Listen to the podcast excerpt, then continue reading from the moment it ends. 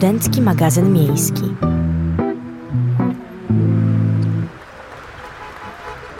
Minęła godzina 17, a dokładnie na zegarach 17.05.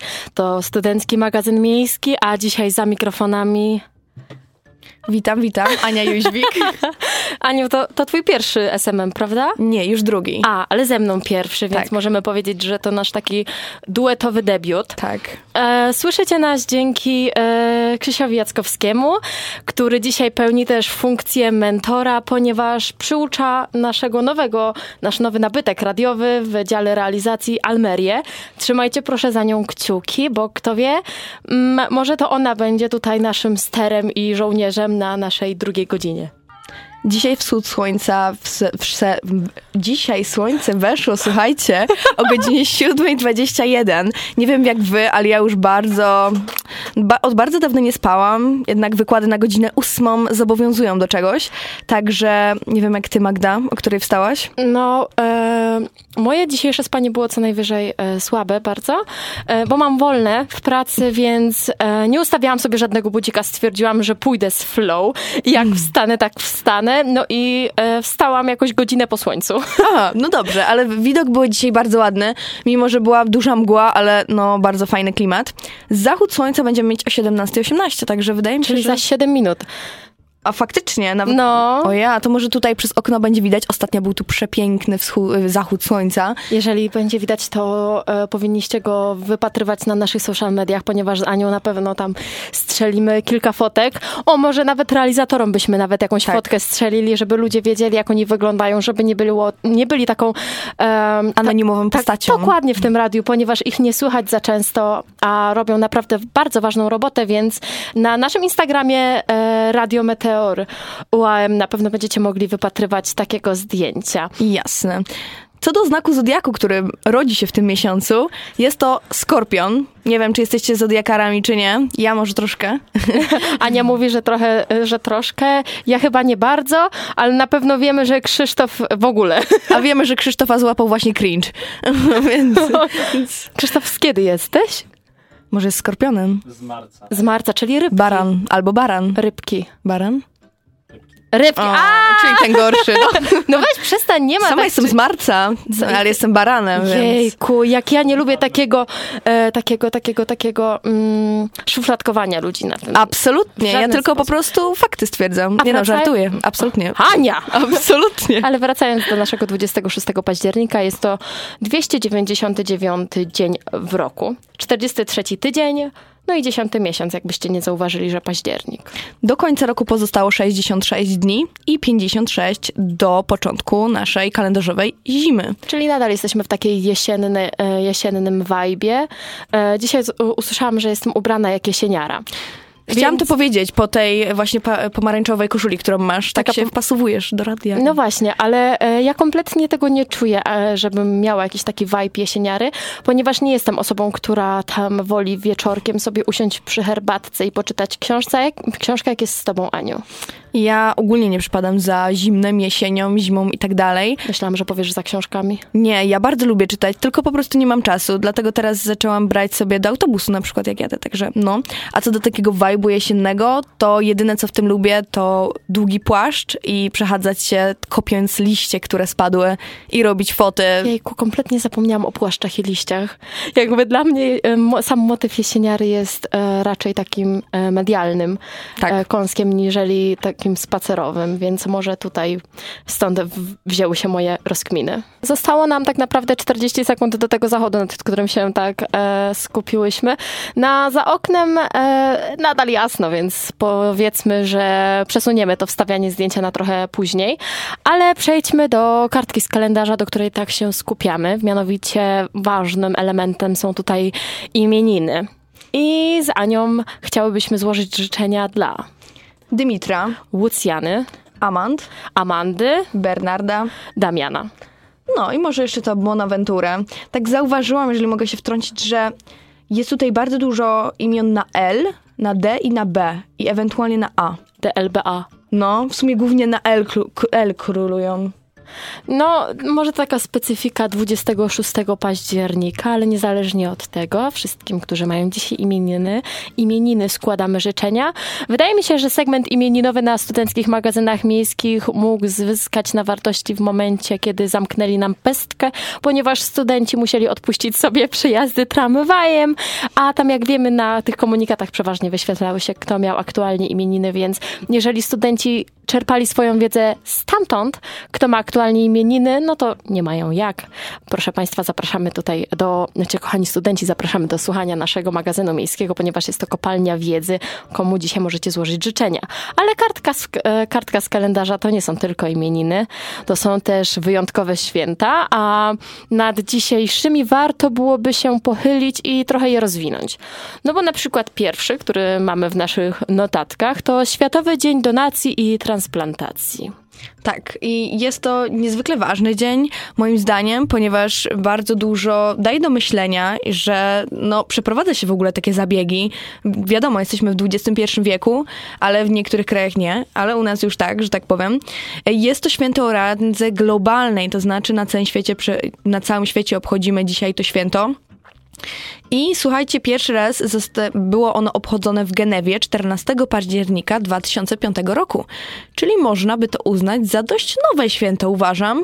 Nie jest ono aż tak stare, nie jest aż tak nowe, ale jednak jest taką czołówką nowych, można tak no uznać. No tak, no bo ile to jest 2005-2022, to ile to lat minęło? 17. 7, dobrze, że szybko liczysz, ponieważ mm. ja bym musiała sobie tak do dziesiątki, no nieważne, mi by to zapewne trochę więcej zajęło, czyli nasze święto nawet nie ma, nie jest pełnoletnie tak naprawdę. Ma prawda? mniej lat niż my. Ma mniej lat niż my, powinno do nas dzień dobry mówić. Tak, też mi się tak wydaje. To ono powinno do nas napisać, żebyśmy, żebyśmy promowali to. Stanowczo. Tak. Ale jeżeli chodzi o to, kiedy to święto, od kiedy to święto obchodzimy u nas w Polsce, no to też od 2005 roku, a po raz pierwszy pierwszy obchodzone było w Bydgoszczy. I o ile mnie pamięć nie myli, to jest to e, rodzinne miasto naszego byłego redaktora naczelnego, którego pozdrawiamy. Mamy nadzieję, Bartku, że trzymasz się dobrze. No, organizatorem e, wtedy tamtego wydarzenia była klinika transplantologii prowadzona przez doktora Zbigniewa Włodarczyka. Yy, tak, Zbigniewa Włodarczyka. No i przeszczep narządu lub tkanek jest często metoda ratująca życie, tak samo jak donacja krwi yy, dla osób po wypadkach lub po różnych innych nawet w trakcie zabiegu i tak dalej, zawsze są przygotowywane te jednostki krwi, które gdzieś tam poniekąd ratują życie, bo no, są one niezbędne w funkcjonowaniu naszego życia.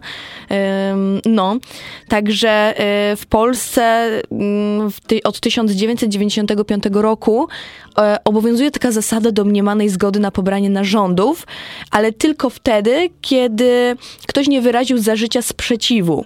Czyli byśmy musieli, gdybyśmy nie chcieli, to byśmy musieli napisać taką karteczkę na przykład w naszym testamencie, ewentualnie w portfelu, tak ludzie przyjmują to, że nie wyrażamy zgody na mm, przeszczep naszych narządów. Możemy tam opisać na przykład, nie wiem, bo mamy jakąś chorobę, bądź po prostu sobie tego nie życzymy. Um, I niestety, um, i niestety jakby ogólnie przeszczepy są nadal um, dość niepopularnym, w sensie takim, żeby oddawać, oddawać nasze narządy. Wiadomo, no, jeżeli żyjemy, no to nie oddamy serca swojego, bo też jakby my na nim funkcjonujemy, ale nadal jest y, mały odsetek ludzi, którzy, którzy wyrażają po prostu świadomą zgodę na przeszczepy. No tak, to jest i wydaje mi się, że to jest ta cała specyfika w tym momencie tej domniemanej zgody, że zakładamy, że skoro ktoś się nie zgodził, no to yy, tą zgodę mamy tutaj yy, od razu jakby z góry. Ale chciałabym się ciebie, Aniu, zapytać, czy słyszałaś może o, o jakimś przeszczepie? Może ktoś w twoich bliskich ci kręgach albo znajomych miał albo... No, w sumie to um, ja prowadzę korki z matematyki mhm. i mam takiego ucznia, który miał um, szpik e, podawany, bo też jakby groziło mu um, śmierć po prostu krótko. Więc on miał właśnie, można tak powiedzieć, że to miał przeszczep szpiku? Czy tak się tego nie nazywa? Czy bardziej trans... Wydaje mi się, że to się jak, e, tak... E określę jako przeszczep szpiku. No, także miał, żyje, ma się bardzo dobrze, miał to jakiś czas temu. Wiadomo, pewne tam jakieś komplikacje, może, w sensie komplikacje, może nie komplikacje, ale po prostu pewnie jakieś tam wyrzeczenia miał, y, bo po tym trzeba się bardzo dobrze odżywiać, w sensie po prostu trzeba prowadzić jakąś stricte dietę, trzeba prowadzić jakiś stricte tryb życia.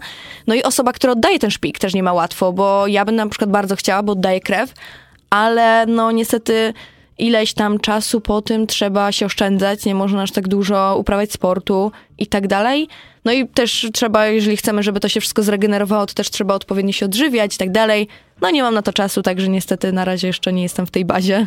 A czy ty znasz kogoś? E, wydaje mi się, że w tym momencie mogłabym podać jedynie, e, o ile się nie mylę, Mhm. E, Selena Gomez nie miała przypadkiem może e, tam e, problemy z nerkami. Coś mi się tak kojarzy, że ona miała operację i przyjaciółka ofiarowała jej nerkę, bo jak się okazało, że mm, miały tą możliwość. Więc wydaje mi się, że tak jak mówiłaś, mamy problem, jeżeli chodzi o transplantację, więc jeżeli ktoś chciałby mieć taką świadomą zgodę, to na pewno, tak jak Ania wspominała tutaj o tych karteczkach na przykład, ale tak dla, e, czysto tak już bardziej e, z taką ciekawostką do Was przychodzę, że o domniemanej zgodzie możecie sobie przeczytać w ustawie o pobieraniu, przechowywaniu i przeszczepianiu komórek, tkanek i narządów w rozdziale drugim, artykule 5, gdzie napisane jest, że pobierania komórek, tkanek lub narządów e, w celu ich przeszczepienia można dokonać, jeżeli osoba, która zmarła, nie wyraziła za życia sprzeciwu. I z taką myślą pozostawiam was. Nie? Aniu? Coś Nie. jeszcze chciałaś powiedzieć? Tak, chciałabym jeszcze powiedzieć o A, statystykach. A, o, No, bo to jest moim zdaniem bardzo interesujące. Uwielbiam liczby. Dobrze, Aniu, dawaj. Dobrze, także chciałabym tylko powiedzieć, że w 2021 roku em, osób, które czekają na, y, na mm, przeszczep nerki jest bardzo dużo i ogólnie przeprowadzono 709 przeszczepów nerek, nerki i 277 wątroby. Także słuchajcie, uważajmy z alkoholem, bo jak widać nie ma przelewek. Tak, a jeżeli chodzi o takie, ile osób czeka, bo to, że tyle przeprowadzono, to nie znaczy, że ta liczba osób, które nadal czekają się zmniejsza, bo niestety nie, ale w 2020 roku na przeszczep nerki czekało 1177 osób i na drugim e, miejscu jest serce. I zazwyczaj, w sensie, dobra, może nie zazwyczaj, ale czasem jest tak, że zanim mm, osoby, które doczekają się w ogóle na taką osobę, która odda serce, są pod y, śpiączką farmakologiczną i niestety nie wybudzą się, dopóki tego serca na przykład nie dostają, nie dostaną, bo są na przykład w tak złym stanie. Także niestety, słuchajcie, jeżeli byście chcieli, bo moja na przykład, moja mama ma już taką karteczkę, że po jej śmierci chciałaby wszystko, co się da, oddać na, na cele właśnie takie medyczne, żeby ktoś jeszcze z tego korzystał, bo my już z tego nie skorzystamy, ale może, że ktoś z tego ko- skorzysta, także mam nadzieję, że to by było na tyle w tym wejściu i no zachęcam do, do podejmowania takich odważnych decyzji. Za chwilę usłyszycie krótki materiał z Kongresu Deweloperskiego, na którym miałam przyjemność być i posłuchać rozwiąza- o rozwiązaniach w 15-minutowego miasta. Wypowiadał się innymi, wypowiadał się między innymi tutaj em, pan, który był profesor, który był z Francji i nasz Jacek Jaśkowiak, później była debata innych prezydentów miast. No i chciałabym, żebyście posłuchali kilku fajnych informacji. 18 października 2022 roku odbył się Kongres Deweloperski na Międzynarodowych Targach Poznańskich, na których Jacek Jaśkowiak wypowiedział się na temat 15-minutowego miasta. Jak polityka parkingowa, konkretnie przepisy dla deweloperów o konieczności posiadania półtorej miejsca parkingowego na jedno mieszkanie ma się do 15-minutowego miasta? Zapytaliśmy prezydenta miasta Poznania. To jest też ileś parametrów, które trzeba brać pod uwagę. No mamy w Poznaniu dzisiaj około 400 tysięcy samochodów. To się wiąże też z tym mm, okresem socjalizmu. Ludzie mieli potrzebę tak, kupienia samochodu. To było 400 tysięcy samochodów. Tak? 400 tysięcy. I, e, I w tej chwili musimy tak naprawdę te samochody zapakować częściowo pod ziemię. Musimy uwolnić przestrzeń w postaci chodników. Musimy uwolnić również przestrzeń na osiedlach, dzieci mogły też się bawić. Ja pamiętam e, moje dzieciństwo i wiem, jak wygląda e, to miejsce teraz. Tam po prostu jest samochód przy samochodzie. E, W czasach mojego dzieciństwa w tym bloku, w którym mieszkałem, były dwa samochody. Dzisiaj wiele osób ma po dwa. To jest ten element, z którym sobie musimy poradzić. Ra- Radzimy sobie poprzez wysokie opłaty w strefie. E, Radzimy sobie również przez to, że i dzięki temu e, ci, którzy dojeżdżali do tej pory e, samochodami, no rzeczywiście muszą się liczyć z pewnymi kosztami tego pozostawienia samochodu. Inwestujemy w kolej metropolitalną, inwestujemy w transport publiczny, inwestujemy w ścieżki rowerowe i mam nadzieję, że to spowoduje również zmianę pewnych zachowań, o czym mówił profesor Moreno, że już nie będzie tej potrzeby posiadania samochodu. Ja na przykład prywatnie nie mam samochodu. Deweloper budując budynki mieszkalne musi zapewnić miejsce parkingowe nawet dla osób, które go nie potrzebują. Zatem to jest zachęcanie do kupna auta? Zapytaliśmy Jacka Jaśkowiaka. Trzeba znaleźć kompromis i dzisiaj sytuacja jest taka, że jeżeli spojrzymy na e, blok mieszkaniowy, e, to nawet te osoby, które nie deklarują, tak, że one nie chcą mieć miejsca postojowego, ale mają samochód. Stawiając na transport publiczny, budując ścieżki rowerowe, e, to rzeczywiście rodziło wielki opór, o czym mówił zresztą profesor Morena. Kiedy się zmienia miasta, kiedy się próbuje wprowadzać pewne zmiany, to oczywiście rodzi opór. On był wszędzie tak, kiedy w Nowym Jorku e, uwalniano pewne przestrzenie, e, żeby były dla pieszych e, i dla rowerzystów, to to budziło oczywiście wielki opór. I z tym oporem sobie trzeba poradzić, przez co trzeba przejść. Jeżeli się korzysta z tej wiedzy, z nauki, jeżeli korzysta się z ekspertów i starajmy się tak tymi naszymi miastami zarządzać, żeby ten komfort życia był możliwie duży. Dla Radia Meteor Anna Jóźwik na godzinach 17, na godzinach, mhm, na zegarach 17.35. No i w studenckim magazynie miejskim mówimy o tym, co na przykład dzieje się w mieście. No, wspominałyśmy tam już tam taki vibe jesieniary, ale z takiego vibe'u jesieniary przejdziemy od razu w takie zimne rejony, ponieważ w Poznaniu otwiera się niedługo, bo w ten piątek, Lumina Park. Tak, on już był otwarty w zeszłym roku, nie wiem czy dwa lata temu, ale wiem, że to jest dosyć nowy wynalazek. Osobiście nie byłam i mam takie, e, mam dwóch, dwóch rodzajów, że tak powiem, znajomych, którzy mówią, jedni mówią, że super, że mogą takie super fotki sobie zrobić, a drugim po prostu tak, tak po prostu poszli i tak w sumie, no nie wiem, jak na sam koszt wejścia tam, to moim zdaniem trochę drogo, jak na same właśnie jakieś takie lampki, ale z drugiej strony jednak spójrzmy na cenę energii teraz, jest dosyć wysoka, więc to też pewnie będzie tym uwarunkowane, tak mi się wydaje. Co do energii, to tutaj słuchaczy poproszę o to, żeby zostali, ponieważ na pewno poruszymy wątek. No bo tak jak wspominałaś, ceny rosną, a no to będzie atrakcja, która będzie opierała się głównie na światłach, na, na, na pokazach. Bo wytłumaczmy najpierw powolutku, czym jest sam park iluminacji. No i tak jak zdążyłam już powiedzieć, jest to zimowa atrakcja i to jest multimedialny spacer.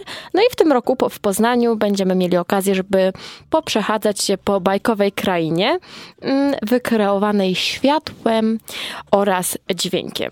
Z tego co patrzyłam, jeżeli chodzi o zdjęcia z poprzedniego roku, no to wygląda to, nie oszukujmy się, imponująco ponieważ e, jak, jeżeli pójdziemy tam oczywiście, jak będzie ciemno, to będzie miało taki, taki inny vibe, taki, taki naprawdę będziemy się czuli jak w jakiejś krainie fajnej, bo naprawdę wygląda to spoko i trzeba przypomnieć, w sensie przypomnieć, nawet powiedzieć, że otwiera się już w ten piątek, czyli 28 października. Na godzinę 17 możecie już się ustawiać w kolejki i wchodzić do, do tego parku jako no takim, nie wiem, czy może coś będzie nowego od zeszłego roku, ale generalnie wygląda bardzo, bardzo fajnie. W tym roku, jeżeli chodzi o atrakcje przygotowane dla odwiedzających, no to to będzie... Mm, filmowy las. Będą poruszane takie, e, takie wątki jak historia Pocahontas, czy też opowieści z Narni. Sam plakat e, promujący tutaj fil, e, Lumina Park z Poznania ma e, postaci z konkretnych bajek, bo ja na przykład rozpoznaję tutaj tą postać z Pocahontas. Niekoniecznie jestem pewna, czym mogłaby być ta druga, taki trochę Robin Hood, no bo ta, te strzały, ten łuk tutaj może, coś takiego. A może Narnia? No, tutaj jakby tutaj mogłam sobie wyczytać w międzyczasie, że mogą nas tam odwiedzić właśnie bohaterowie z Narni, z opowieści z Narni. Odkryjemy też sekrety filmowego lasu. Mm, także jakiś King Kong. No, każdy znajdzie, wydaje mi się, coś dla siebie. I co ciekawe, słuchajcie, jest to czwarty park taki w Polsce, także jest ich niewiele stosunkowo. I trzeci e, za granicą, w sensie inaczej. Są cztery parki takie w Polsce i trzy za granicą.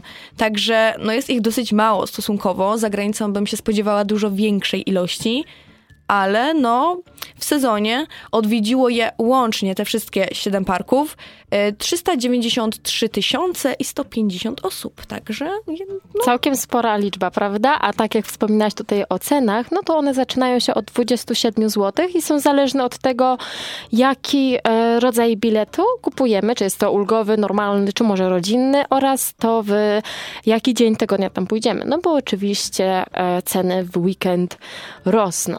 Tak. Ale wydaje mi się, że jak ktoś skończy zajęcia w tygodniu o 20, to może idealnie się iść wyluzować i właśnie poprzechadzać się po takim pięknym parku. Dokładnie. A teraz, mm, bo w międzyczasie doszły, doszłyśmy z Anią do wniosku, że obie uwielbiamy liczby i przedstawiać rzeczy i rzeczywistość w liczbach. I na przykład sam parki, e, park podzielił się taką informacją, że żeby stworzyć park taki w Poznaniu na przykład, wykorzystał 280 km sznurów elektrycznych. Czyli na dobrą sprawę, gdybym tak wyszła od swojego mieszkania i tak rozwijała ten sznur, to mogłabym dojść do moich rodziców, zawinąć wokół nich i wrócić do Poznania i jeszcze miałabym jakieś takie 40 km sznura w zapasie. To są ogromne ilości sznura, w sensie, no naprawdę, w sensie, no jestem ciekawa, na co to wykorzystali, tak, w sensie, no wiadomo, na to Na te, no głównie na te atrakcje, nie? No bo to są tak, mm, atrakcje z, złożone właśnie z tych, z tych światełek. No i te wszystkie e, światełka, one jak na światła przystały, będą świecić, nie? Tak. A te postaci, on, one nie są tycie. To są naprawdę duże konstrukcje, więc żeby miały też odpowiedni, e, wywierały odpowiednie wrażenie, muszą być odpowiednio dobrze tutaj e, oświetlone. No i jeżeli chodzi o ilość artystycznych tutaj e, instalacji, będzie ich 27, a najwyższa będzie miała 15 metrów. Więc no trochę tych światełek musiało być zużyte, żeby to nie wyglądało co najwyżej słabo. No bo jakby było, wiesz, owinięte raz jakąś tam e, lampką, no to nie byłoby frajdy i nikt by 30 zł za, za wejście do takiego parku raczej nie dał. No prawda. Plus fajne zdjęcia wychodzą, jak coś jest jakby większe od nas i tak dalej. Także wydaje mi się, że też większe show robi to, że to jest po prostu duże. Bo no tak, no plus mamy później e, klimat świąteczny, więc to też się mniej więcej wpasowuje w to. Szybko się robi ciemno. Tak robiąc wam update, u nas nie będzie chyba zachodu słońca. bo- Słabo to słońce dzisiaj zachodzi. No, przyszły chmury i już nie będzie, także niestety nie będzie dzisiaj fotki na Instagramie. Ale be- na, jakaś wleci na pewno, na pewno w drugiej godzinie. Ale wracając, taka jeszcze ta krótka informacja, jeżeli chodzi o, o prąd i o bycie eko. No bo e, dlaczego ten park jest, e, dlaczego ten park jest, pomimo tego, że zużywa tak dużo, będzie zużywał dużo energii, to dlaczego jest eko? Mm, jest oświetlany światłami LED, czyli tymi dużo bardziej energooszczędnymi. E, Jeżeli chodzi o rodzaj atrakcji, jest to atrakcja zewnętrzna, więc nie ma potrzeby na przykład używania ogrzewania w tym momencie, no bo po prostu odwiedzający muszą sami ubrać się w ciepłą kurteczkę oraz e, w ciepłą kurteczkę oraz e, w szaliczek, żeby nie zmarznąć w trakcie zwiedzania, a na przykład na zużycie, zużyta energia na park w, w Poznaniu, czyli we Wrocławiu, czyli na te większe, to jest około 40 kW, a na takim, e, w takiej Bydgoszczy czy Lublinie, w których parki są mniejsze, jest to 25 kW. Nie za bardzo znam się na kilowatach, ale 40 i 25 to wydaje mi się nieduża kwota. Nie, my, wydaje mi się, że to jest tak optymalnie. Nasz duet jest e, co najwyżej zabawny. No, Aniu, Tak, to ja jakby wchodzimy, wchodzimy. Dobrze. Zaczniemy sobie, słuchajcie, teraz mm, od zoo. Nie wiem, czy wiecie, zoo czasem daje jakieś apele i teraz jest dosyć ważny apel, ponieważ zoo apeluje o e, poszukiwany produkt. Słuchajcie, co to jest? To jest mleko. Mleko z puszek, w sensie inaczej, nie. E, wcześniej opal, apelowali o jedzenie dla kotów i psów w puszkach, ponieważ e, przyjeżdżają do nich z Ukrainy. Także teraz tym, ra- tym razem apelują o mleko dla kociąt, które przyjadą właśnie e, cztery lwiątka i jeden maleńki lampart z Ukrainy. No tutaj dosyć tych, dużo tygrysów ostatnio tu się nam sprowadza do zoo. Będziemy mieli co oglądać i em, będą mieli się czym opiekować. No, co powiesz o tych małych kociakach? Jeżeli chodzi o te małe kociaki, no to tak jak już Ania zdążyła wspomnieć, poszukiwane jest dla nich mleczko, ponieważ ZO zdążyło już dokonać kilku zamówień, jednakże no nadal jest to, ta dostępność tego mleczka była, mleka, to nie jest mleczko takie w tubce słodkie z Gostynia, e, tylko tego mleka dla nich jest stanowczo była za mała do tego, żeby wykarmić te trzy lwiątka i jednego leparda. Tak. Więc e, samo zoo apelowało, że jeżeli ktoś takie mleko posiada i ma go w swoich zapasach trochę więcej, to super by było, jakby się podzielił. No i z pomocną ręką, e, jak się okazało, wyszły, e, wyszły organizacje, jak na przykład Dzikie Zwierzęta w Potrzebie i KTOZ, schronisko dla e, bezdomnych zwierząt w Krakowie. Pracownicy e, poznańskiego zoo otrzymali właśnie od nich e, przesyłki i wsparcie z tym mleczkiem, żeby, żeby, żeby pomóc odchować te, tych nowo przybyłych gości w poznańskim zoo. No te maluchy na pewno niemało jedzą, że tak powiem. Muszą dużo mm, rosnąć, e, w sensie dużo rosną, dlatego też potrzebują dużo jedzenia, plus tak jak wcześniej wspomniałam, to nie są jedyne małe kociaki, które u, u, do nich, że tak powiem, przyjechali, przyjechało z Ukrainy. Dosyć dużo teraz tych zwierząt przyjeżdża, także akurat nasze zoo w Poznaniu jest na tyle, że tak powiem, no bardzo pro, prospołeczne i tak dalej i pomaga i tutaj z Ukrainy i tak dalej, więc przyjmujemy dużo tych zwierząt ostatnio. I ogólnie od dłuższego czasu. Bo jak, e, bo Ania tutaj bije do tego, że od początku konfliktu, jaki, jaki dzieje się u naszych sąsiadów, poznańskie zoo aktywnie działa w tym, żeby wesprzeć ukraińskie, e, ukraińskie rezerwaty i z wielką chęcią przyjmują kolejne zwierzęta jako, e, jako taki zastępczy dom. I często te zwierzęta po prostu idą dalej w świat, szukając kolejnego dobrego domu dla nich, a Poznań jest dla nich takim e, tymczasowym, tymczasowym, e, tymczasowym azylem, więc trzymamy kciuki za zoo w Poznaniu oraz za całą akcję i jej powodzenie. Przychodzimy do Was, żeby podsumować ten dzisiejszy SMM, ale tylko jedną godzinę, ponieważ na drugiej mamy gościa, o czym wspomnimy za chwilę. Pamiętajcie, że do początku zimy zostało 56 dni, to jest wydaje mi się najbardziej najważniejsza informacja tutaj. Następnie mówiliśmy o Światowym Dniu Donacji i Transplantacji. Um, wiecie, co zrobić. Musicie sporządzić taką notatkę, że chcecie oddać wasze organy do, mm, do kolejnych osób, że tak powiem. Następnie trochę przybliżyliśmy Wam statystyki, ale nie tylko statystyki o przeszczepach, ale również o statystyki o um, luminu, lumina parku, czyli ilość sznura i tak dalej elektrycznego, który będzie nam potrzebny do zbudowania takich e, fajnych atrakcji. I następnie apelujemy również o mleko dla kociaków z poznańskiego zoo, które one już przyjechały, czy one, one dopiero przyjadą? Kociaki Mhm. już są. już są. Także jeżeli macie jakieś mleko, bądź macie osoby, rodzinę z zagranicy, która, które mogą takie mleko zdobyć, to wydaje mi się, że warto odpalić swoje kontakty i jak. Myślałam, że powiesz, że macie osobę z zagranicy, która chciałaby takie kociaki przygarnąć. Ja bym chętnie takiego, Takiego przygarnęła. leoparda. No. Fajna akcja, nie? Słuchajcie, nikt by nie wszedł do mnie na podwórko. No. Ale to jest chyba nielegalne, bo na przykład nasze poznańskie niedźwiadki są z takich, Tak, tak, tak. To jest, no... od takich prywatnych tutaj em, gospodarzy. No. E, od gospodarstw domowych, że tak powiem, że hodują sobie w domu jakieś różne nielegalne węże i lwy. Tak, a teraz tutaj A teraz szybciutko zapowiemy naszą kolejną godzinę. Mm, za mikrofonem już czeka gotowy i zwarty Bartosz Graczyk, który opowie nam o konferencji Media Przyszłości. No, o tym, co dokładnie to jest, jak to wygląda i czego możecie się spodziewać, usłyszycie po 18.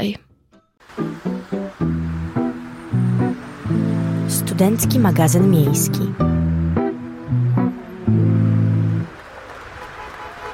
To jest Studencki Magazyn Miejski. Dzisiaj za mikrofonem Bartosz Graczyk, dzień dobry paniom, dzień dobry państwu.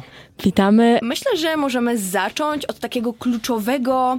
Musimy wyjść od kluczowej sentencji, czyli gdzie szukać początków, jeżeli mówimy o konferencji. którą reprezentuje Bartek. Tak. Od początku. E, Nasz dzisiejszy gość to, tak jak już powiedzieliśmy, Bartek Graczyk, który e, jest reprezentantem, przynajmniej z dzisiaj naszej audycji, konferencji Media Przyszłości. Bartku, jakbyś nam miał powiedzieć, gdzie albo w czym moglibyśmy poszukać początków samej konferencji?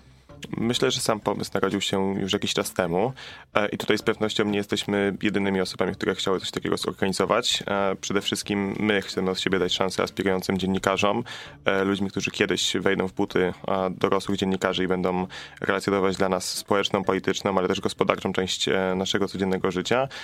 Chcemy im dać szansę spotkania się z samym sobą, z ludźmi, którzy stawiają dopiero teraz pierwsze kroki, oraz dać szansę spotkania ludzi, którzy już teraz siedzą w tej branży i może chcą im trochę dać jakiś wskazówek, chcą przeprowadzić z nimi warsztaty i generalnie dać pole, pole do dyskusji. Rozmawialiśmy tutaj troszkę te pięć minut, zanim weszliśmy e, na antenę, o tym, że samą konferencję tworzy około 60 osób, prawda? Zgadza się. Kto to jest, jeżeli mógłbyś nam przybliżyć? Myślę, że 60 osób, które zostało e, wyłonionych ze prawie 180 zgłoszeń. To są osoby, które e, już jakieś doświadczenie dziennikarskie mają e, oraz takie, które chcą postawić pierwsze kroki w zawodzie, aspirują do tego. Są to przeważnie mm, uczniowie szkół średnich oraz studenci, którym bliska jest właśnie ta idea dziennikarstwa XXI wieku, którzy chcą mm, poprawić swoje zdolności albo dopiero w ogóle wejść w zawód. A jak mieliście właśnie te prawie 180 zgłoszeń, to jak wy wybieraliście te 60? Bo zakładam, że to jest taka kluczowa liczba, której nie mogliście przekroczyć. Więc jak, jak wyglądało to wyłanianie tej 60? Myślę, że to jakoś zaskoczeń nie będzie. Bazowaliśmy na formularzu zgłoszeniowym, w którym pytaliśmy potencjalnych e, gości na konferencji podstawowe informacje o doświadczeniu oraz głównie o taką ideę przyświecającą aplikuj każdemu aplikującemu, wizję dziennikarstwa przyszłości oraz jak on chciałby się realizować w swoim na przykład przyszłym zawodzie. Jasne, czyli w takim razie musieliśmy mieć jakieś doświadczenie, żeby móc nie do końca doświadczenie. Myślę, że chcieliśmy uzyskać od y, aplikujących wizję, chcieliśmy zobaczyć, jak oni patrzą w ogóle na media przyszłości, y, jak widzą swoją rolę może w przyszłości, a może nie wiążą z dziennikarstwem jakichś wielkich aspiracji, ale chcą spróbować, zobaczyć i może odkryć nową pasję. Jeżeli chodzi o samą konferencję, mógłbyś nam powiedzieć, kiedy i gdzie te 60 osób się spotyka? Tak, konferencja odbywa się już w najbliższy piątek, 28 października. E, o godzinie 10 e, rozpoczniemy taką oficjalną e, część rejestracji wszystkich uczestników i ona się odbywa w Warszawie na ulicy Koszykowej 61 w sali konferencyjnej Meta Przestrzeń. Czyli Koszykowa, Warszawa. Bartku, czy mógłbyś nam tutaj e, przybliżyć tak trochę taką zakulisową pracę, jeżeli chodzi o przygotowania, o e, weryfikację osób, które zgłaszały się do, do, do programu, do konferencji? Tak jak już mówiłem, bazowaliśmy na zgłoszeniach e, w formularzu, w którym trzeba było uzupełnić to, jak widzicie media przyszłości, to jak e, widzicie swoją małą cegiełkę w tym, co będzie się, w tym, co będzie się realizować e, w swoim dorosłym zawodzie, ale też to, jak osoby, które rekrutowały, chciałyby rozwinąć swoje zainteresowania, zobaczyć swoją pasję i może odkryć to, co jeszcze, to, czego jeszcze w sobie nie odkryły. To były główne kryteria, które myślę, że udało nam się niejako zrealizować i wszystko wszystko okaże się w ten piątek. Chciałam zapytać, czy w takim razie to jest taka pierwsza konferencja, jaką organizujecie, czy ona już cyklicznie jest? Generalnie konferencja Media Przyszłości jest pierwsza spod naszego szyldu oraz pierwsza w Polsce, która skupi e, ze sobą tak wielu e, tak, tak wielu e, młodych dziennikarzy w jednym miejscu. Nigdy czegoś, czegoś, czegoś takiego nie było, no a my liczymy, że w przyszłości uda się to kontynuować i stworzyć z tego taki mały cykl. Pierwsze rzeczy są zawsze trudne. Więc co na razie, na ten moment sprawiło, że mieliście taką zagwostkę, co dalej? Czy da się to dalej pchnąć? Czy mieliście jakieś już problemy? Myślę, że może to być trochę zaskoczenie, ale nie mieliśmy większych problemów przy całej realizacji. Raczej był to proces od A do Z, który zrealizowaliśmy, w, jeżeli chodzi o przygotowania, bardzo dobrze. No oczywiście weryfikacja naszych e, działań odbędzie się już ten piątek. Myślę, że największym problemem e, mogą być fundusze i tutaj możemy to wskazać, bo no jednak nie, nie zawsze znajdzie się partnerów chętnych do sfinansowania czegoś, co jeszcze nie istnieje, co nigdy się wcześniej nie sprawdziło i nie mamy nawet e, za dużej legitymizacji tego, żeby powiedzieć, że słuchajcie, my już to robimy i możecie nam pomóc i rozwinąć się dalej. Myślę, że bardzo fajnie przebiegły, przebiegły rozmowy i zaproszenia z dziennikarzami z całej Polski, bo zgromadziliśmy naprawdę fajne nazwiska, zgromadziliśmy fajnych ludzi, którzy byli bardzo chętnie nastawieni do współpracy z nami. No właśnie. E, jeszcze zapytać, bo mówicie, że to będzie taki, taka forma szkoleń, warsztatów. I tutaj e, wspomniałeś o dziennikarzach.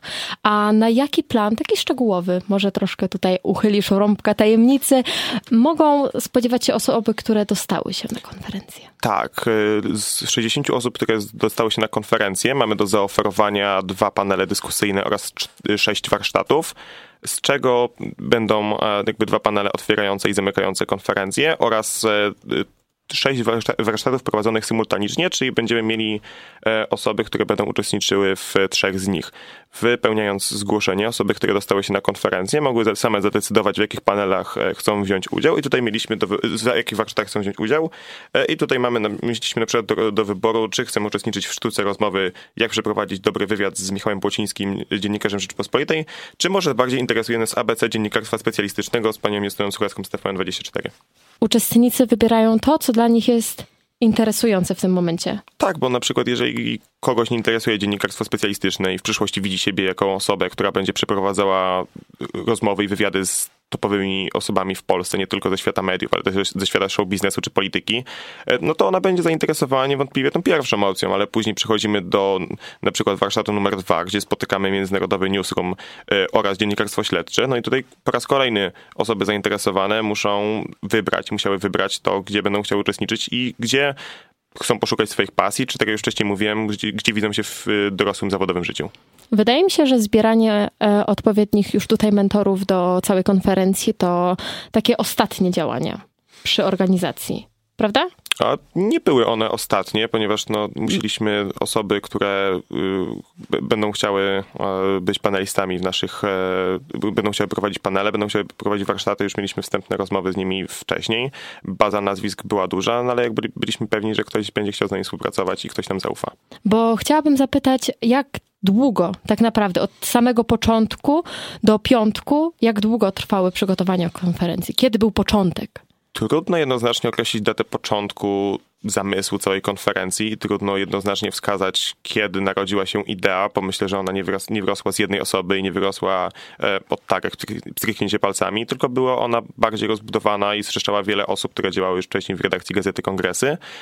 Same przygotowania trwają już od kilku miesięcy, bo ja pamiętam, jak e, już pół roku temu toczyliśmy e, pierwsze rozmowy tak między sobą. E, później przyszła wizja tego, gdzie byśmy chcieli to zrobić, kto mógłby nas finansować. No i później, czy znajdą się osoby i jakie znajdą się osoby, które byłyby chętne wziąć udział w naszych dyskusjach i panelach.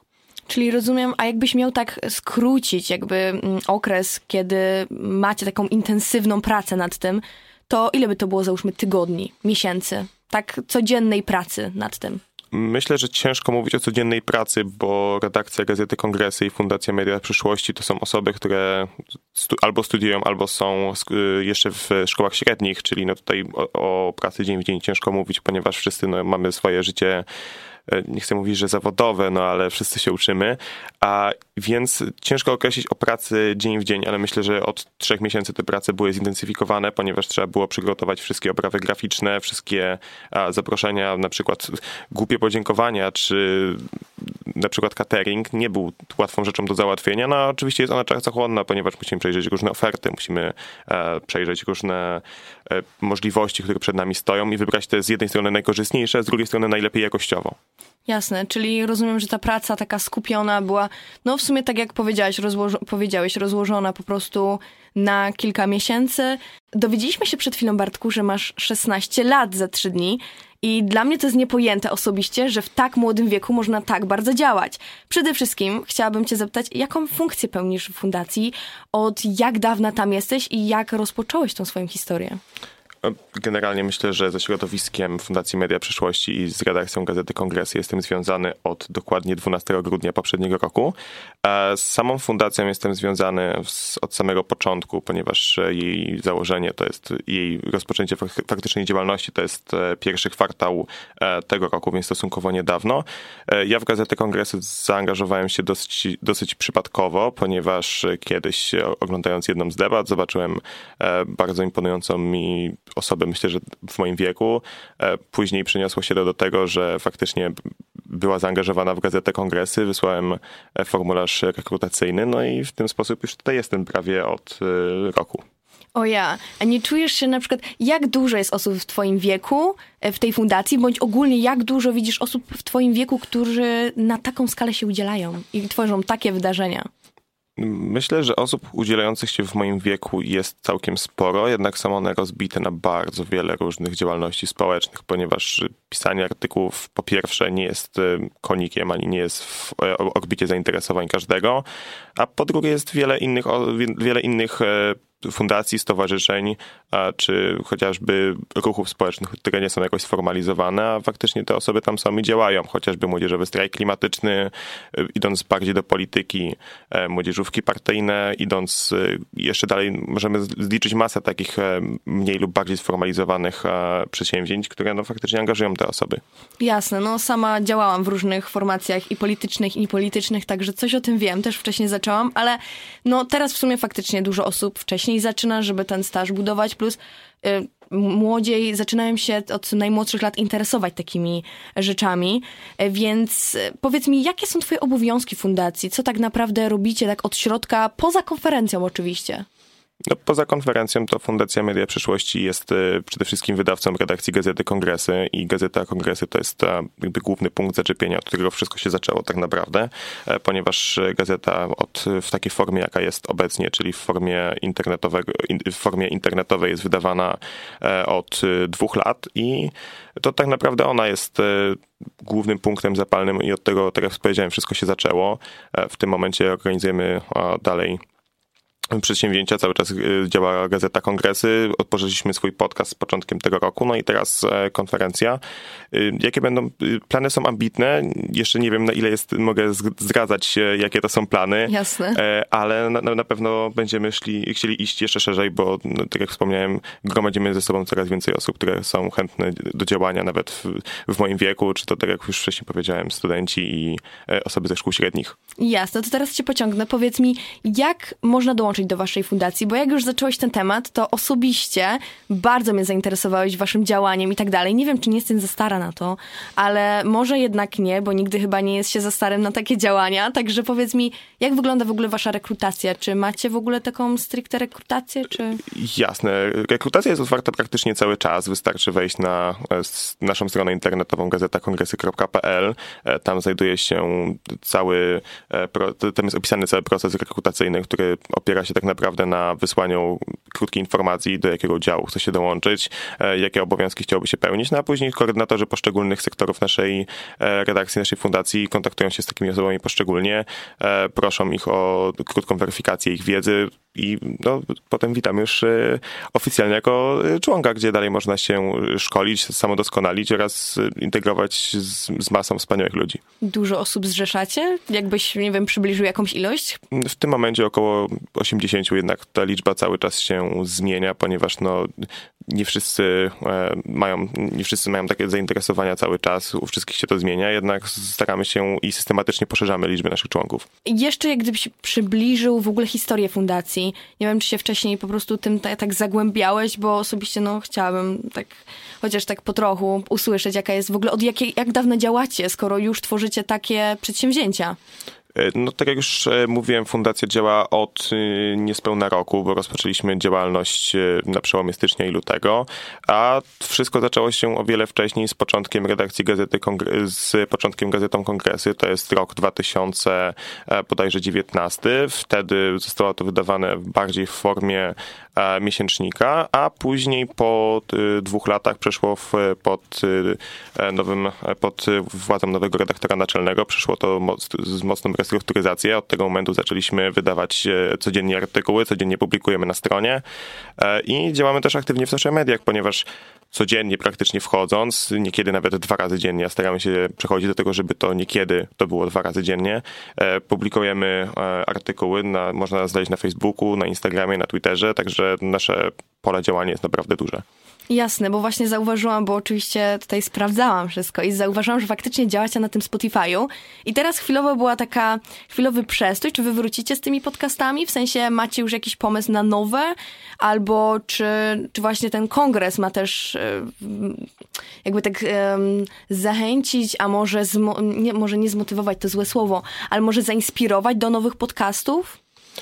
Myślę, że tak krótko odpowiadając, to na pewno chcemy wrócić e, do regularnych podcastów. E, myślę, że przerwa była spowodowana po pierwsze przełożeniem całych sił tak naprawdę wszystkich osób zaangażowanych w organizację konferencji, która zajęła bardzo dużo naszej energii, a po drugie to Myślę, że bardzo eksperymentowaliśmy na przestrzeni ostatniego roku, ponieważ pojawiały się z, pod naszego szyldu zarówno newsroomy, kiedy zaczęła się wojna w Ukrainie, a byliśmy obecni na ostatnich Igrzyskach Wolności, byliśmy obecni, relacjonowaliśmy Kampus Polska Przyszłości, więc nasze pole działania było bardzo szerokie i bardzo zróżnicowane, bo z jednej strony mieliśmy wydania na żywo, z drugiej strony mieliśmy podcasty, a z trzeciej przeprowadzaliśmy takie wywiady faktycznie face to face na żywo na jakichś e, konferencjach, na które byliśmy zapraszani. Jasne, dziękuję za takie wyczerpujące odpowiedzi, bo dużo można się z nich na pewno dowiedzieć. My się słyszymy za chwilkę, możecie zerknąć na formularz rekrutacyjny na stronie. Ale wracając do naszego tutaj, do naszej konferencji, bo w trakcie jak rozmawialiśmy, doszliśmy do, e, do wniosku, że młodzi ludzie zaczynają się tak aktywizować dużo wcześniej, pokazują swoją taką dociekliwość dziennikarską, taką zapotrzebowania na nowe media już dużo wcześniej niż na przykład ja, ponieważ nie ukrywajmy, ja to zrobiłam dopiero na studiach, więc w wieku 20 lat przede mną siedzi Bartek i mówi mi, słuchaj, ja już się interesuję tym dużo wcześniej. I teraz mam pytanie, jak wygląda przekrój, jeżeli chodzi o osoby, które zgłosiły się na konferencję i które zostały wybrane? Jeżeli chodzi o osoby, które zostały wybrane i które się zgłaszały, to myślę, że przekrój jest bardzo podobny. E, były to osoby no, w wieku szkół średnich i studenci pierwszych, pierwszego i drugiego roku, jeżeli dobrze pamiętam. Zdarzały się oczywiście wyjątki osoby młodsze i osoby starsze, no ale mniej więcej w taki target osób celowaliśmy. Taki jest e, target, który przeważa w naszych e, odbiorcach i taki jest target, który zobaczymy w piątek. Dobrze, ale jeżeli chodzi o. Chciałabym, bo chciałabym rozwinąć trochę sam, e, sam pomysł, jeżeli chodzi o konferencję i o media przyszłości. Bo rozumiem, że to było jedno z pytań na, e, na formularzu, tak? Zgadza się. Jak będą wyglądały te media przyszłości? Tak? Zgadza się. Mogłabym dostać od ciebie jakieś takie przykładowe odpowiedzi, jak ludzie to widzą? Bo mnie to tak naprawdę szczerze e, ciekawi, czy będziemy mieli jeszcze gazety może, czy radio nadal będzie na falach, czy już tylko internetowe. Jak widzieli to uczestnicy? Myślę, że odpowiedzi były bardzo różne i ciężko jednoznacznie skategoryzować, co pojawiało się najczęściej, ale jak już tak e, pamiętam zgłoszenia, które sam przeglądałem, to myślę, że bardzo dużo widziałem właśnie forum podcastów. To dominowało, jeżeli chodzi o przyszłość. E, zanikał na pewno tekst pisany i w szczególności gazety drukowane, które już teraz obserwujemy e, ogromny, ogromny deficyt tego typu produktów na rynku, które po prostu nie cieszą się popularnością i z tego powodu na przykład Gazeta Wyborcza e, zamiast drukować tak, na taką skalę gazetę papierową w tym momencie przerzuciła się na model subskrypcji, model płatnych artykułów i myślę, że to jest opcja, w którą będzie zmierzała, w którą będą zmierzały media przyszłości. No a też że oczywiście pytaliśmy o to, jak przeprowadzić e, to, aby osoby, które wchodzą w tym momencie na e, i które będą wchodzić na dziennikarski rynek, były skoncentrowane na tym, żeby pozostawać w istocie dziennikarstwa, która polega na bezstronności, przekazywaniu odbiorcom obiektywnych i rzetelnych informacji. Jasne. A powiedz mi, jako fundacja, jaki macie taki główny cel, który, nie wiem, do którego chcecie dążyć? Albo, bo wiadomo, chcecie jakby, że tak powiedzieć, produkować bardzo fajnych dziennikarzy i jak widać masz 16 lat, a już wypowiadasz się naprawdę bardzo fajnie, także idealnie do podcastów. Nie wiem, czy już jakiś prowadziłeś, czy nie? Nie zagłębiałam się aż tak? E, podcastów nie było mi dane jeszcze prowadzić. Na pewno jest to rzecz, którą będę chciał w przyszłości e, zrealizować, ale prowadziłem już e, wiele rozmów na żywo z zaproszonymi gośćmi, czy to na żywo, czy to na, na żywo. Myślę tutaj o tym, że stacjonarnie zarówno wersja online była już przeze mnie realizowana. Okej, okay, jasne. To w takim razie do czego dążycie jako fundacja? Co jest waszym takim głównym celem? Chyba, że to jest taki jeden punkt, do którego dążycie i na tym chcecie się kierować, na tym chcecie się zatrzymać? Czy jednak wasza wyobraźnia jest nieograniczona i dążycie do czegoś takiego ogromnego? Nie chcę tutaj mówić o utopii, ale mm. błędnym byłoby stwierdzenie, że dążymy i chcemy się zamknąć w jednym punkcie. Na pewno chcemy e, pokazać młodym ludziom, który, którzy, którym nie do końca było dane zobaczyć, jak to wygląda od środka, pozwolić przeprowadzać pierwsze wywiady, pozwolić prze, przeprowadzać e, i realizować pierwsze reportaże i dać im e, pole do właśnie poznania samych siebie, o czym już mówiłem, bo to jest nie tylko istota konferencji, gdzie spotkamy się jednego dnia i będziemy mieli dane ze sobą porozmawiać, ale też cała redakcja Gazety Kongresy. Z tego pojawiły się nie tylko e, relacje, nazwijmy to biznesowe i zawodowe, ale też prywatne przyjaźnie, bo po prostu jesteśmy osobami, które wzajemnie darzą siebie e, szacunkiem i przyjacielską relacją. Jasne. Wyszliście już na Spotify'a. Weszliście już na... Bo nie mieliście papierowej gazety z tego, co... E, gazeta pojawia się, e, jest w wydawana papierowo tylko w momentach, kiedy to jest wydanie specjalne, zazwyczaj przy współpracy z jakimiś fundacjami czy stowarzyszeniami. E, przykładem tego jest nasza współpraca z Kulturą Nieponurą, które właśnie wydanie specjalne ukazało się w lipcu tego roku i ono jest dostępne zarówno do obejrzenia jako e, PDF na naszej stronie oraz mamy Y, wydruk e, papierowy i już tutaj mogę troszeczkę e, zaspoilerować, ale każdy z uczestników na piątkowej konferencji takowy egzemplarz własnej gazety kongresy papierowej dostanie. Okej, okay, dobra, to już trochę mamy. Jakbyście, jak tutaj są słuchacze, którzy będą na, na kongresie, także tutaj macie już mały sneak peek. Dobra, e, w każdym razie bieg, dążyłam do tego, czy jeżeli już weszliście na Spotify'a i praktycznie tych gazet papierowych macie mało, bo tylko wydania specjalne, co będzie następne? Telewizja? Radio? Do czego, co, do czego brniecie? Chyba, że jest tutaj tajemnicą, to, to zrozumiemy. Tak. Ale tak? To znaczy?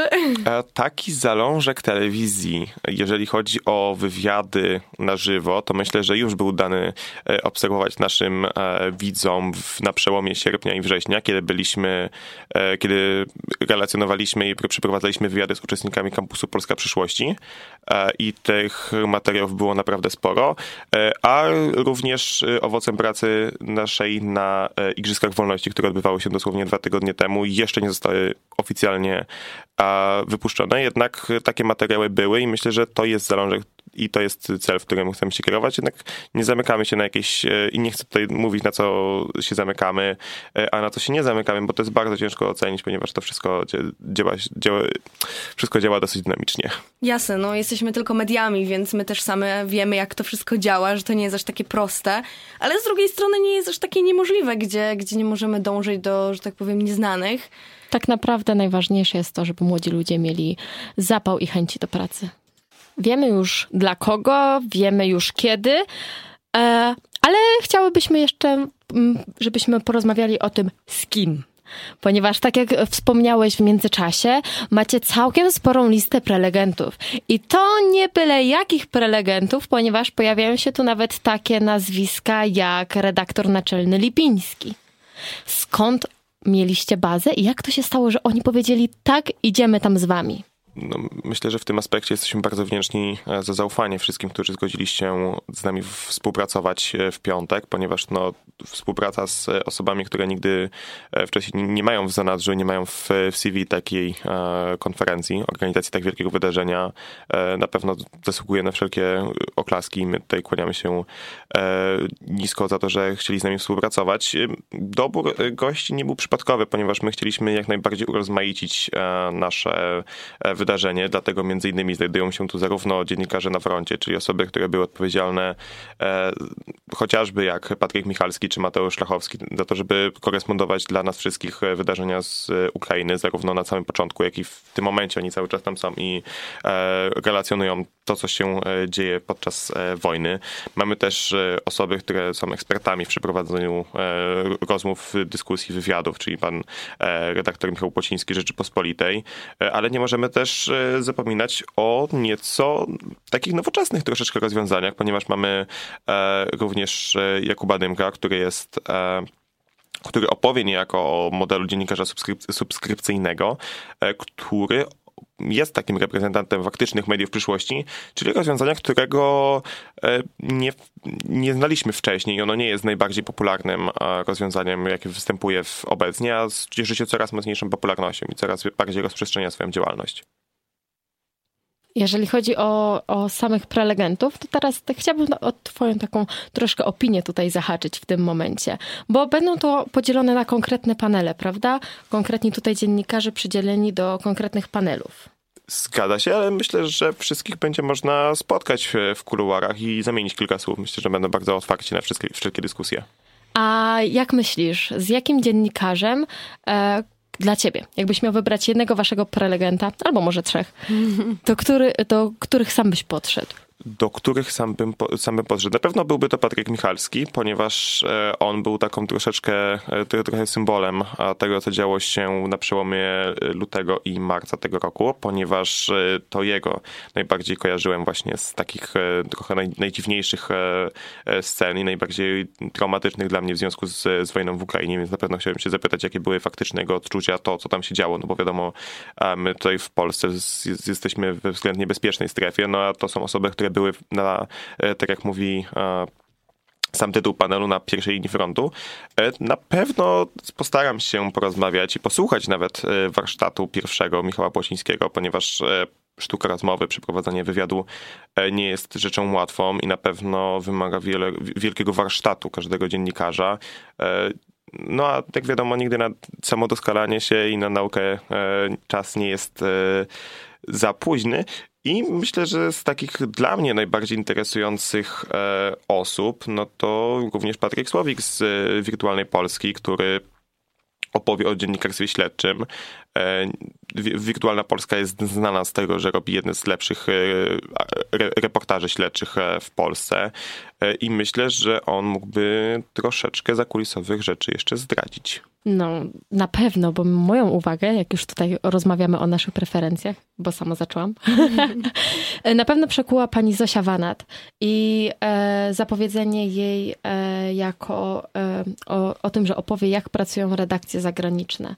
Wydaje mi się, że dla młodych dziennikarzy to może być ciekawy wątek tak, to był bardzo oblegany warsztat, jeżeli mogę tego słowa użyć, ponieważ e, tego chyba na, na, samym początku nie powiedziałem, warsztaty będą podzielone na mniejszych grupach, tak żeby osoby, które będą faktycznie uczestniczyły w konferencji, e, miały realną szansę porozmawiać, dopytać e, czegoś e, prowadzących, żeby to nie były takie wykłady półtora godzinne, które by zamykały się prelegent kończyłby swój e, wywód, wychodziłby do domu i nie można było z nim porozmawiać. Nie, to mają być otwarte dla e, słuchaczy, to mają być otwarte dla e, wszystkich zainteresowanych uczestników dyskusje. No i oczywiście to, żeby wyciągnąć z tego jakąś wiedzę merytoryczną, którą ci prowadzący przekażą. Ja osobiście nie jestem na bieżąco z nazwiskami dziennikarzy, bo też nie jestem na takim profilu, więc niestety na ten się nie wypowiem, ale chciałabym jeszcze tak, no już na koniec zapytać się, czy będziecie chcieli kontynuować to wydarzenie. Czy macie już, wiem, że jeszcze nie jesteście przy, po tym wydarzeniu, jesteście dopiero przed, ale jeżeli wszystko dobrze pójdzie, to czy zamierzacie kontynuować to wydarzenie w przyszłości, żeby to było cykliczne? Czy na razie wystarczy jedna, zobaczycie jak będzie odzew i dopiero wrócicie później, albo będziecie myśleć, nie mówicie od razu już teraz, że na pewno, ale czyli, ale czyli myśleliście o takim, takim czymś mówiąc we własnym imieniu i trochę przekazując to, jakie nastroje panują wewnątrz, e, wewnątrz organizatorów, to myślę, że na pewno będziemy musieli to kontynuować, ponieważ dla każdego z nas, po pierwsze, e, to była masa obowiązków i to była masa również wyrzeczeń, czy to z życia prywatnego, czy to z, życia szkolnego i e, uniwersyteckiego, ale myślę, że na koniec dnia to dla nas wszystkich była bardzo fajna przygoda e, i masa doświadczeń. Mamy nadzieję na spory feedback od naszych e, uczestników, od prelegentów, bo jak, zawsze, jak już wcześniej mówiłem, zawsze, zawsze a coś jest do poprawy i na pewno będziemy chcieli stale rozwijać naszą formułę. Na 100% nie mogę powiedzieć, e, czy taka konferencja się odbędzie, ale na pewno wszyscy będziemy do tego dążyć. Jasne. Czy ewentualnie w przyszłości planujecie coś takiego w Poznaniu? Bo w Poznaniu wiem, że jest bardzo dużo osób, które działa, a niekoniecznie gdzieś tam im jest po drodze do tej Warszawy, ale czy, czy myśleliście już o innych miastach? Ja wiem, że bardzo, bardzo wybiegam w przyszłość, ale czy, czy gdzieś tam z tyłu jest taka myśl o tym? Z Poznania mieliśmy bardzo dużo zgłoszeń i naprawdę możemy liczyć na ogromną frekwencję e, naszego miasta, jeżeli chodzi o e, piątkową konferencję i myślę, że jak najbardziej Poznań jest w orbicie naszych zainteresowań z racji tego, że jest to jedno z, z większych miast w Polsce, a po drugie ma doskonałą lokalizację do organizowania tego typu wydarzeń. E, pierwsza edycja odbywa się w Warszawie, ale nie zamykamy się absolutnie na inne możliwości, na inne rozwiązania. To wszystko prawdopodobnie wyjdzie z czasem, ale myślę, że w przyszłym roku albo z jakimś, w jakiejś dalszej perspektywie czasu na pewno coś takiego uda się zrealizować. Jasne, super. To zapraszamy do Poznania może za kilka lat. E, bardzo dziękujemy generalnie za, za wywiad z Tobą, Bartku.